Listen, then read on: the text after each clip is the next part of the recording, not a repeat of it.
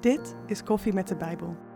De wekelijkse podcast vanuit de Gereformeerde Kerk te Leek, waarin actuele thema's worden besproken op ontspannen wijze. Zet de koffie maar klaar. Presentatie door Roel Prins en Tom Walewijn. Welkom bij Koffie met de Bijbel.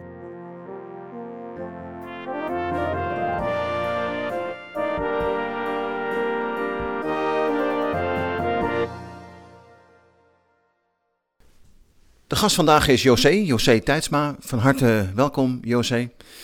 Dankjewel. Jij ehm, hebt doorgeleerd, mag je wel zeggen, want eh, je hebt een studie geneeskunde gedaan en dat, eh, dat ligt er niet om.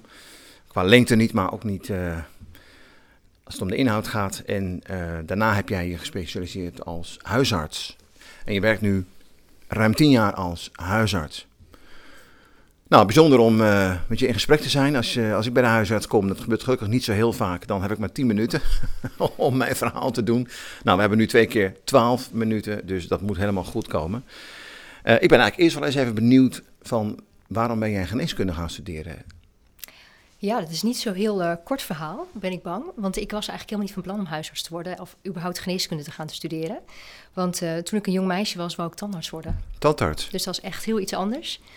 Ik weet ook niet waarom, kan het niet uitleggen, Hm. maar ik wou tandarts worden. Mhm. En ik heb daar ehm, bij het VWO ook mijn vakpakket op aangepast, zodat ik dat zou kunnen doen. En het was destijds een lotingstudie, dus ik moest meeloten. En ik werd wonderwel ingelood eh, voor tandheelkunde en ook nog in de studiestad van keuze Groningen. En toen ben ik dat gaan doen en toen zat ik in de collegebank en toen dacht ik, dit is het niet. Want het was tegelijk met eh, geneeskunde, dat eerste jaar. En dat leek me zoveel leuker, gewoon eh, qua een heel lichaam, een heel mens wat erachter zit. Ja. Dus ik dacht, ik zit op de verkeerde plek. En toen, dus ehm, het was opnieuw een lotingstudie geneeskunde. Dus ik had eh, het geluk, of ik noemde het achteraf eh, leiding, dat ik opnieuw werd ingelood Hm. en weer in Groningen. En zo kwam ik dus bij geneeskunde terecht. Nou, je zei het zelf, wat is lange studie, zes jaar. Mhm. Dus eh, vier jaar is vooral theorie. Ehm, dan ben je gewoon bezig met alles leren over het lijf en allemaal heel interessant. Maar pas in de laatste twee jaar kom je echt met mensen in contact. Ja. En ehm, in het ziekenhuis, je kooschappen heet dat, eh, twee jaar lang op allerlei verschillende afdelingen. eh, kennis maken met wat wil je doen. En waar ik al mijn collega's heel enthousiast zag worden op de verschillende afdelingen, had ik zoiets, ja, ik weet het eigenlijk niet of ik dit wel wil doen. Mhm. Totdat ik helemaal op het einde bij eh, een huisartsenstage kwam. En er waren twee ontzettend enthousiaste huisartsen. ehm, waarvan ik dacht, ja, dit is het. Dit is Ja. wat ik wil doen. Uit het ziekenhuis weg, maar dicht bij de mensen. En zo is het gekomen. En zo eh, ben je huisarts geworden. Ja. kijk eens aan. Ja. Ja. bijzonder, mooi. Wat vind je, wat vind je mooi aan het vak? Ja, je zei al even dit contact met mensen. Ja, Maar het zijn altijd wel mensen die ziek zijn. Ehm, ja, meestal wel. Ja. Meestal wel. Maar wat ik vooral heel erg mooi vind, is dat je eigenlijk de hele dag met mensen kan werken. Hè? Ehm, je staat heel dicht bij de mensen. Ja. En het is ook bijzonder hoe snel ze je vertrouwen geven. En je, je zei het net al, eh tien minuten vaak Ja. bij een huisarts. Ja. En sommige mensen zie je één keer, maar er zijn ook mensen die je heel vaak ziet. En je bouwt toch door de jaren heen een band met mensen op. En dat vertrouwen wat je dan krijgt, dat vind ik iets bijzonders. Ja, het maakt het vak heel erg mooi. Ja. Ja. Want, want eh, dat heeft natuurlijk met het feit te maken dat jij huisarts bent. Ze hebben jou Mhm. ook eh, nou nodig, maar het gaat natuurlijk ook over hen zelf. En, Ja. en vaak ook wel over eh, hele kwetsbare dingen. Hè. We praten niet zo heel makkelijk, denk ik, over als ons iets mankeert. Nee, dat zou je denken, maar toch verbaast het je als je als huisarts dus aan de andere kant van de tafel zit. Ja, En mensen vinden het soms wel een beetje spannend om naar een huisarts te gaan. ja, Maar als je zelf aan de andere kant van de tafel zit, dan ehm, je moet er misschien ook wel een beetje talent voor hebben, maar je kan heel makkelijk en heel snel toch een band met mensen opbouwen. Ja. Ook al is het maar voor 10 minuten. En eh, dan vertellen ze echt hun hele ziel en zaligheid. Dat je echt achteraf denkt, wauw, wat, Ja, wat mooi dat je daar zo dichtbij mag komen. maar bijzonder. Is heel bijzonder. Ik denk ik dat ook. kreeg, ik kreeg juist de indruk dat inderdaad mensen het toch al lastig vonden om dan echt duidelijk tegen de dokter te vertellen wat er aan de hand was. wisselt een beetje. Oh, Soms ja. moet je daar ook wel wat moeite voor doen. Ja. En dan weet je niet precies waarvoor ze komen. Of dan hebben ze het verhaal zelf niet helemaal helder. Ja. Ehm, maar door de juiste vragen te stellen, lukt dat meestal wel. Ja. ja. Ja. ja.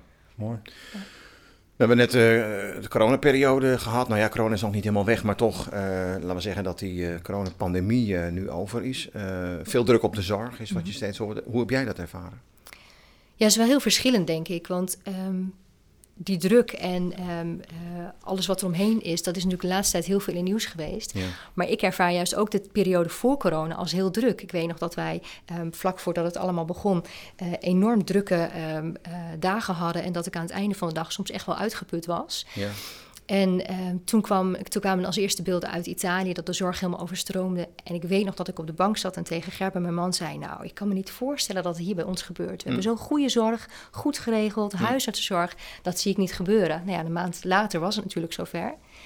En ehm, onze collega's in het zuiden die hebben het vooral heel erg druk gehad in die eerste golf. En wij hadden natuurlijk heel erg geluk met een lockdown op het juiste moment en de Ja. vakanties die ertussen zaten. Oh ja. Dus waar ze in het zuiden heel erg druk waren, zaten wij eigenlijk in een soort stilte voor de storm. Hè? Ja. Wachten op wat er ging komen. Ja. Dus van heel druk gingen we naar heel rustig.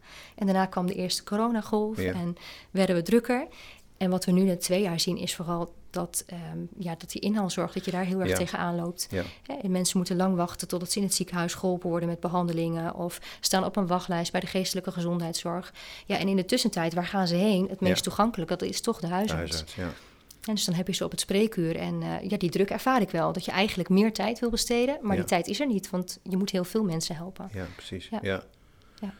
Dus eerder nu zeg maar druk dan in de tijd van corona. Wat ik mensen ook hoorde zeggen, Ja. is dat mensen eh, soms uit angst ook om corona te krijgen, eh, niet meer Zeker. naar de huisarts gingen. Hè? Zeker. Ja. Ja, dat zag je vooral het eerste jaar. Ja. En, en na, ik denk anderhalf jaar komen dan mensen met eigenlijk een soort uitgestelde Ja. vragen. Die hebben er Ja. ergens last van. Ja. Maar dat hebben ze uitgesteld Ja. uit angst om het op te lopen. Of omdat ze dachten, ja, we kunnen daar de huisarts echt niet mee lastigvallen. Ja. Ehm, maar dat had natuurlijk prima gekund. En liever hadden we dat ook gezien. Want nu Ja. zie je dat mensen soms echt zieker zijn ja, precies. als ze bijkomen. Ja. Ja. Ja. En ook zieker dan onnodig. Ja, Of eh, zieker dan nodig. Zieker dan nodig, Onnodig klopt. ziek zijn. Ja. Maar dat, dat lijkt me sowieso voor een arts altijd lastig. Want je bent natuurlijk afhankelijk totdat ze bij jou komen. Ja. Hè, Het is niet dat je erheen gaat dat je zegt, eh, Henk, moet eens luisteren. Je moet, er moet nu echt iets aan die teen gebeuren. Nee, je kunt pas wat doen op het moment dat Henk zegt, nou, eh, ik ga eens naar de dokter toe. Mm. klopt. Maar Ja. eh, voelt dat, eh, hoe, wat, voor- wat voor een gevoel heb je daarbij? Hoe, hoe werkt dat voor je? Machteloosheid of zo? Of? Ehm, ja, vind ik, vind ik lastig hoor. Want ja, machteloosheid, kijk, eh, als je heel goed na gaat denken over waarvoor mensen soms bij je komen. En soms hele verdrietige dingen. Of Ja. dat je denkt, ja, wat was eerder gekomen. Ja. Het is ook een beetje zoals het leven gaat. Hè? Dus op het moment dat ze bij je zijn, dan kan je er wat mee doen. Als, Ja. als ik me ook druk ga maken om dat stukje wat ervoor zit. Ja. Ja, dan kan ik mijn werk niet meer met heel veel plezier en energie doen, ben Nee. ik bang. Nee. Nee. Dat, moet je, dat probeer je dan juist uit elkaar te Ja. halen om heel erg nou, te beperken. Wat is eigenlijk mijn invloed en wat Ja, kan ik dan precies. eigenlijk bereiken?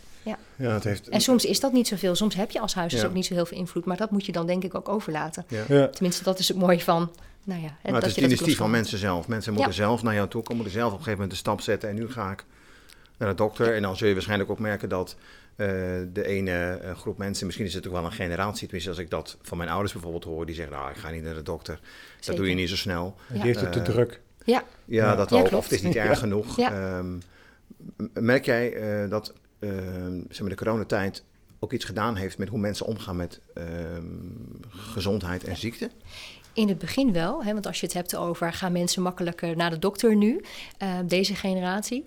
Dat denk ik wel. In coronatijd zag je dat mensen weer wat wegbleven en veel meer zelfredzaam werden. Maar nu is eigenlijk voor de meeste mensen het weer een beetje zoals normaal. En dan zie je dat die vraag eigenlijk dubbel zo hard terugkomt. Mhm. Want ze kunnen op een heleboel dingen niet meer rekenen. Er is eh, heel veel stress, heel veel angst, heel veel spanning geweest. Ja, En er zijn nu heel veel dingen waar ze bij niemand terecht kunnen. En dan komen ze bij ons. ja. Met het verzoek, los het op. Maar ja, we kunnen natuurlijk ook niet alles oplossen. Nee, nee. Ja, dus ik zie juist nu dat het nog meer is dan daarvoor. Ja. Ja. En, en, en merk je dan dat je als christen, ehm, heb je ook een bepaalde kijk, denk ik, op gezondheid en ziekte? Ehm, in hoeverre beïnvloedt dat dan jouw werk? Ehm, ik denk dat het daarin wat makkelijker maakt ook. mensen hebben een hele hoge verwachting van de medische wetenschap. Hè? Alles moet kunnen. Eh, als je een probleem hebt, los het maar op. Maar zo werkt het niet. En ik denk vanuit eh, mijn overtuiging, ik, ik doe wat ik kan doen. Ja, Ehm, maar ik heb natuurlijk niet, ehm, ehm, hoe zeg ik dat? Ik, ik kan niet alles bewerkstelligen. nee, nee. Ik heb Nee. niet de leiding over hoe iemands leven loopt of Nee. hoe iemand ziek wordt eh, of niet. Ik denk er is maar één die dat heeft en dat is God. En Ja. ik probeer dat in mijn werk ook mee te nemen. Dat ik niet voor alles verantwoordelijk ben. Ik probeer ze te helpen. Ja. Maar ik kan niet iemand persoonlijk beter maken. Dat kan ik niet. Die macht heb ik niet. Maar ik kan Nee. iemand wel begeleiden erin en ondersteunen. En waar ik kan, Ja. helpen om het... Ja, dus als christen eh, kijk jij eh, op een bepaalde manier tegen gezondheid aan. Ik Mhm. kan me voorstellen dat je dan gezondheid eh, is dan niet meer het aller, allerbelangrijkste in het leven. Ja. Kun, kun je mensen daar ook nog in iets meegeven? En hoe lukt dat om daar met mensen over in gesprek te gaan? Soms wel. Want ik denk dat je daar heel dicht een beetje ook tegen de maakbaarheid van het leven aankomt. Hè? Dat, ehm, heel vaak kijken mensen er naartoe als het, het is allemaal maakbaar. Als ik maar hard genoeg mijn best doe, dan bereik ik succes. Of als ik maar gezond genoeg leef, dan blijf ik gezond en overkomt ziekte mij niet. Maar zo is het natuurlijk niet. Nee. En ik probeer door die vragen eh, eh, die ik stel, dan ook te kijken van nou, wat vinden zij belangrijk. En eh, vanuit mijn eigen gevoel denk ik, ehm, het leven is niet maakbaar. Hè? Het is allemaal maar genade wat we gekregen hebben. Ehm, dus dat probeer ik daar dan wel een beetje in door te laten eh, ja. werken. Maar goed, soms komt het wel op geloof terecht, maar Ja. soms ook niet. Nee. Nee. Nee. je wil het ook niet opleggen natuurlijk. Nee. maar soms heb je net even misschien de mogelijkheid. eh als je ook wat meer tijd hebt, wat langer Ja. mensen optrekt. Ja, precies. Klopt. Ja. Ja.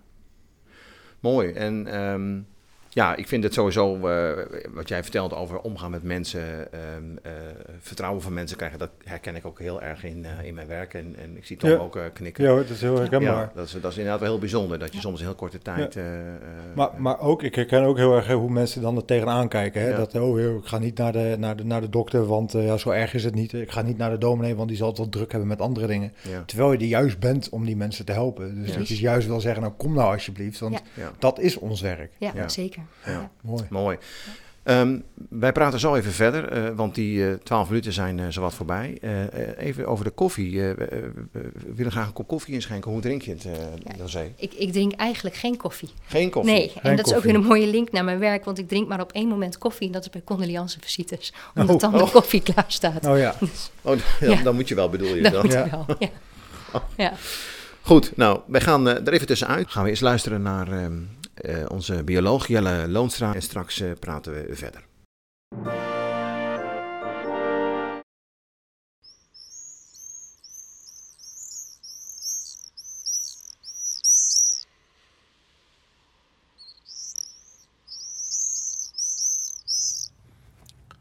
Natuur dicht bij huis. Eh, al een paar keer heb ik eh, jullie eh, meegenomen naar iets eh, wat in de achtertuin te zien is. Een plantje, een vogeltje. Deze keer eh, weer eh, natuur eh, dicht bij huis. En vaak een beetje bij, het oude, bij een oud huis. Namelijk gierswaarduw. Elk jaar een stevaste prik rond de oude Koninginnedag, dus 30 april, komen de eerste gierzwaluwen in Nederland binnen. Die zijn er dus al een poosje. Allicht heb je ze al even door de straten heen horen te chasen. Gierzwaluwen overwinteren in Afrika, net als veel andere trekvogels. Maar wat wel extra bijzonder is eigenlijk van die gierzwaluwen... ehm, is dat ze eigenlijk het hele jaar in de lucht zijn. Behalve als ze op het nest zitten. Ze slapen dus ook in de lucht. En hoe doen ze dat? Nou, dan gaan ze hoog op. Dan gaan ze echt eh, tot een aantal kilometer hoog in de lucht. En dan, eh, gaan ze sla eh, dan doen ze eigenlijk een powernapje. Zakken ze wat naar beneden. En als ze wat lager zijn, worden ze wakker. En gaan ze weer door. Een heleboel powernapjes gedurende de dag dus. En een ander iets wat ik wel heel erg cool vind eh, aan die gierzwaluw...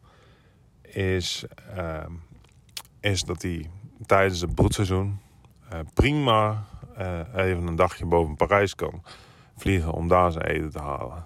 Dus er zijn een aantal waarnemingen van geringde gierzwaluwen die hier op het nest zaten in Nederland. En eh, tijdens, de, tijdens die nestperiode waargenomen werden in, eh, in, in, in Parijs, Noord-Frankrijk.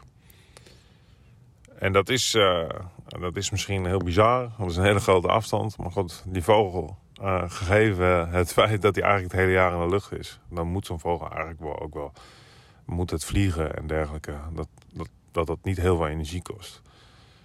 En als je dan inderdaad zo'n regenachtige dag hebt, want het voedsel van zo'n gierzwaluw bestaat uit insecten. Als je een regenachtige dag hebt, een koude regenachtige dag, dan is zijn er vaak maar weinig insecten. Of in elk geval weinig insecten in de lucht. Dus een uitje naar Parijs, waar het dan misschien net wat mooi weer is, dat loont dan al snel. Dus ga eens naar een eh, oud, eh, oud huisje. Vaak in oude huizen waar nog wat spleten zitten onder de dakpan, dan broeden ze. Om, bijvoorbeeld eh, de kerk van Letterbed, om wat te noemen. Eh, maar ook eh, in het centrum van Leek op een aantal plekken, wat oudere plekken. Uh, hoor je ze ook. En geniet van het, van het gierende geluid. Niet alleen van hoe die giert door de straten, maar ook het gierende gechirp van die vogel.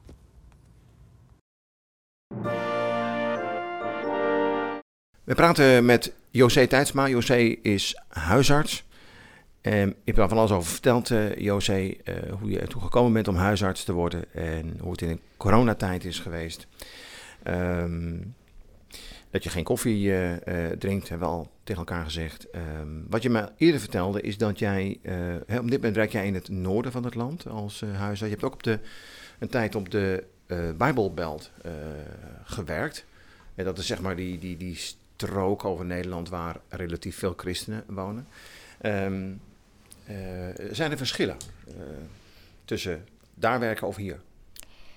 Um, er zijn zeker wel verschillen, maar ik denk dat er in eerste plaats ook heel veel overeenkomsten zijn. Ja. De mensen zijn, net zoals hier, echt wel nuchter.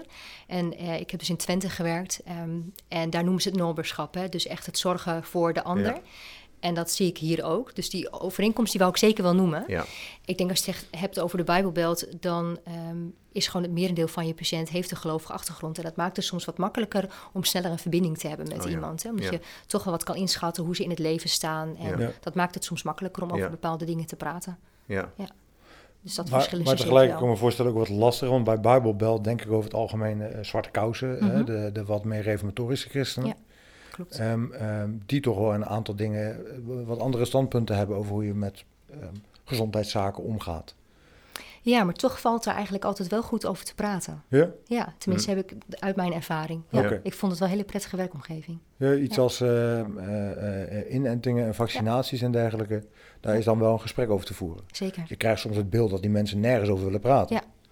Nee, zo zwart-wit is het niet, gelukkig. Nee. Nee, nee. grijzer. Ja. ja. Mooi. Zoals ja. met heel veel dingen in het leven, denk ik. Ja, ja. ja. ja zeker. En wat, en wat je net zei over uh, omgaan met, met, uh, met, met ziekte en gezondheid, uh, is, is daar nog verschil? Ik heb het idee, ik kijk ook maar even naar mezelf, dat ja, ook christenen toch wel heel erg aan het leven hangen en heel zeker. graag gezond willen zijn. Hè? Dus, ja. dus en als je ziek wordt, dan is je gezondheid ongelooflijk belangrijk. Hè? Ja, ja dat, dat heb je ook. En aan de andere kant um, ken ik daar ook nog heel veel mooie voorbeelden van hoe mensen om kunnen gaan met verlies en met uh, ziekte. Ja. En soms is het toch wat meer, ja, acceptatie is misschien niet het, helemaal het goede woord, maar meer berusting daarin. Uh, okay. Dat vind ik wel mooi om te zien, hè, wat voor enorme kracht daar soms uit wegkomt. Ja. ja. En dat heeft dan met het geloof ook. te maken? Met het geloof, ja. ja. ja. Oké, okay, ja. Ja, sowieso lijkt me dat wel... Uh, mooi om te ontdekken dat mensen, som, want jij maakt het dus mee dat mensen of heel ziek worden of zelfs uh, komen te overlijden. De, dat je die veerkracht van mensen, dat je dat, uh, daar zul je veel mee te maken hebben, denk ik. Veel Zeker, zien, en, en, en dat blijf dat, je ook hè? onthouden hoor. Dat, ja, dat mooi, vergeet hè? je niet meer, bepaalde ja. dingen die je hebt meegemaakt. Ja, mensen zitten ook soms, zitten we dat vind ik ook heel, heel, heel mooi in elkaar. Dat zelfs hele zware verliezen, dat je denkt, hoe kom je er overheen? En, en dan mensen leven dan toch verder. En het gaat echt al ja. heel veel pijn en moeite, maar toch, uh, ja ja. Mooi. Maar mag ik ja? dan heel even de andere kant? Want dit nou, nou wordt heel rooskleurig en uh, wat een prachtige baan heb je als huisarts. Het is ook moeilijk. heb je ook ongelooflijk ingewikkelde ja, Zeker, uh, ja echt. Ja. Uh, patiënten die niet willen luisteren of verschrikkelijk ongezond leven of heel moeilijk mee te communiceren is. Heb je daar misschien nog een... Kun je daar ik, nog wat over zeggen? Misschien ja, een voor, dat, is mijn, dat, dat, dat, vind ik echt de uitdaging van mijn vak. Dus oh, ja. dat vind ik, um, als je het hebt over wat vind je nou leuk aan je werk, dat is dat dus. Oh, Toch ja. met die hele moeilijke uh, dingen uh, proberen contact te maken en er wat uit te halen. Ja. En als je het hebt over, het is een van de mooiste beroepen, denk ik, ja. vind ik. Maar ook een van de lastigste. Want mm. voor je gevoel heb je heel veel verantwoording. En soms, eerlijk gezegd, vliegt dat me ook wel eens aan. Oh, ik denk, ja, je ziet 30, 40 mensen op een dag. Nog even zoveel keuzes hè, in overleggen met assistentes maak je. Um, en ik vind het dus heel fijn dat ik vanuit mijn geloof weet dat ik dat niet alleen hoef te doen. Hè? Dus dat ik niet. Maar dat draagt je. Precies, ja. ja ik hoef niet alleen te doen, maar ik mag vertrouwen dat um, ook God door mij heen werkt. Ja. ja. ja. ja. ja. Maar in, en als ik een beetje goed begrijp, ben je ook wel dan een dokter die nou, vooral heel veel praat. Je hebt, ik heb soms het idee dat er huisartsen zijn die vinden het ook heel leuk om nog een beetje te snijden links en rechts. Die zijn er ook. Ja, maar dat ben jij er niet zo in. Ten dele. Ten ja, dele. hangt er een beetje vanaf. We hebben de dagen zo ingedeeld dat ook daar ruimte voor is. Dus ook Oh ja. inderdaad om te snijden. En, en laten we eerlijk zijn, ja, er komen ook mensen gewoon binnenlopen die eh, wonden hebben die gehecht moeten worden. Oh dat ja. doe ik ook. Dus Ja, ik ben niet oh alleen ja. aan het praten. Nee. Maar eerlijk gezegd, ik Ja. vind dat praten vind ik wel heel mooi. Om echt de mensen achter, eh, Ja. of, ja, de mensen achter de klacht te zien, de mensen achter de patiënt. Ja. Ja, dat vind Mooi. ik een van de mooiste dingen voor mijn werk. Wij stellen tijdens de podcast ook altijd de vraag, eh, en dus ook aan jou, naar eh, welke Bijbelse figuur of welk Bijbels eh, verhaal of thema spreekt je aan? Welke- wat zou jij noemen? Ja, ook dat vind ik lastig. Want ehm, ik, ik vind echt heel veel eh bijbelverhalen inspirerend. Maar als Mhm. ik het echt link naar mijn werk, dan vind ik de psalmen en de spreuken heel erg mooi. Omdat eigenlijk voor elke levensfase of voor elke ehm, situatie of hoe je je voelt, elke stemming is wel een psalm eh, te bedenken. Of een spreuk. En we hadden het net over nou, dat mijn werk best wel moeilijk is. Ik vind spreuken ontzettend mooi. Hè? Vertrouw in alles wat je doet op God en steun niet op je eigen inzicht. Ja. En als je aan, bij alles wat je doet aan hem denkt, dan baant hij voor jou de weg. Dus dat vind ik enorm mooie dingen om dan op die hele lastige momenten erbij te pakken. En denk ik, oké, ik hoef het niet zelf te doen. Ja, Dus dat inspireert mij dan. ja spreuken, er zit heel veel levenswijsheid ook in, hè? Dus het, het, het, het, leven van elke dag, hè? dus de, de, de, zeg maar het praktische. eh, en nou ja, mooi dat je dat dan, eh, dat je dat dan herkent en, en dat, je dat, dat je dan opdiept uit de Bijbel. Zo van, hé, hey, dat, dat is natuurlijk... Dat is natuurlijk bij de Bijbel ook zo. Dat je, het is niet een boek dat helemaal los van het leven of zo staat. Hè? Eh, Juist niet. Je, je- nee, je Nee. merkt juist dat de Bijbel hè, eh, geschreven is door mensen, maar wel zeg maar, God heeft mensen daartoe aangezet. En het gaat dan dus ook over het leven. Gewoon Precies. over het leven dat wij ook nu eh, leiden. Prachtig. Ja. Maar ook als het gaat over de geneeskunde, is natuurlijk, als je, eh, zeker in het Oude Testament, hè, de, de wetten van Mozes, daar staan eh, voorschriften in over hoe je om moet gaan met gezondheid en dergelijke. Wat in die tijd revolutionair was. En Hè? ook nu weer gebruikt wordt, hè? Ook Oh. in de geneeskunde. En ook, er zijn ook wel bepaalde stromen die echt weer teruggaan naar ehm, ehm, wat voor soorten voedsel goed voor een mens is. Oh ja, ja. En, en daarop eh, ehm, Ja. hè, verder borduren. Dus ook dat wordt wel weer teruggepakt. Zo. Ja. Oh ja, ja mooi. Ja. Ja. Mooi. Ehm, eh, jouw affiniteit, ehm, jouw belangstelling in het bijzonder, gaat uit naar eh, palliatieve zorg, eh, vertelde je in een Klopt. eh, voorgesprek. Kun je er iets over zeggen? Palliatieve zorg, wat, wat is dat? Ja, palliatieve zorg wil eigenlijk zeggen dat je ehm, mensen op het laatste stukje van hun leven begeleidt. Ja. En het kan heel snel zijn als mensen echt weten dat ze maar heel korte leven hebben, maar ook mensen die heel ernstig chronisch ziek zijn, waarvan je weet, en dat, dat kan heel snel afgelopen zijn, maar het kan ook wat langer duren. Dat noem je palliatieve zorg. Ja. Ja. En waarom eh, gaat jouw hart dan sneller Ja. kloppen? Ja, dat heeft dus weer te maken met het feit dat je echt verbinding wil maken met Ja. mensen. En waar lukt dat beter dan eigenlijk op dat laatste stukje van je leven? Dat maken jullie denk ik ook mee in je werk. Mhm. Ehm, eigenlijk valt dan alle andere ja, onnodige dingen vallen weg. Ja, je komt echt veel sneller tot de essentie. Ja. Ehm, wat vinden mensen belangrijk aan het leven, maar wat vinden mensen ook belangrijk ehm, in dat laatste stukje? Eh, waar putten ze hun hoop uit en steun uit? En dat is dan vaak ook waar het geloof toch ter sprake komt. Ja. En waar het in de spreekkamer eh, niet heel snel ter sprake komt, of eigenlijk bijna niet, komt dat in dat soort situaties juist wel naar voren. Dan vraag je toch altijd, ehm, eh, betekent religie ook wat voor jou? Eh, Ja. Ga je naar een kerk? Eh, wat betekent God voor jou? Ja. En sommige mensen hebben dat helemaal niet, maar anderen wel. En daar kan je dan toch een gesprek mee gaan. En Ja. juist daarin heb ik dan het gevoel dat je ook niet met lege handen staat. Ook al weet je, iemand- je kan iemand niet genezen. Ja. Ik vind het altijd heel fijn als mensen geloven, want dan heb ik daarin ook nog wel iets te bieden. Ja.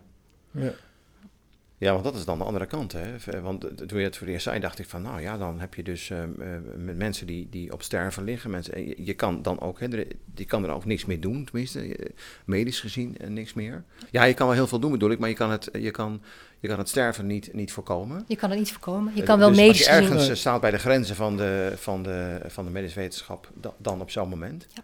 Maar toch zeg jij van ja, maar juist omdat je dan het gesprek eh, kunt voeren en eh, dus weer dat praten. Hè, Klopt. Van, eh, ja, Ja, weet je, dat is wat mensen ook het meeste teruggeven daarna. Ja. Hè? Je kan, want je zei net, je kan medisch eigenlijk niks doen. Nee, niet om mensen te genezen, maar Nee. wel om ehm, nou, te zorgen dat mensen Ja.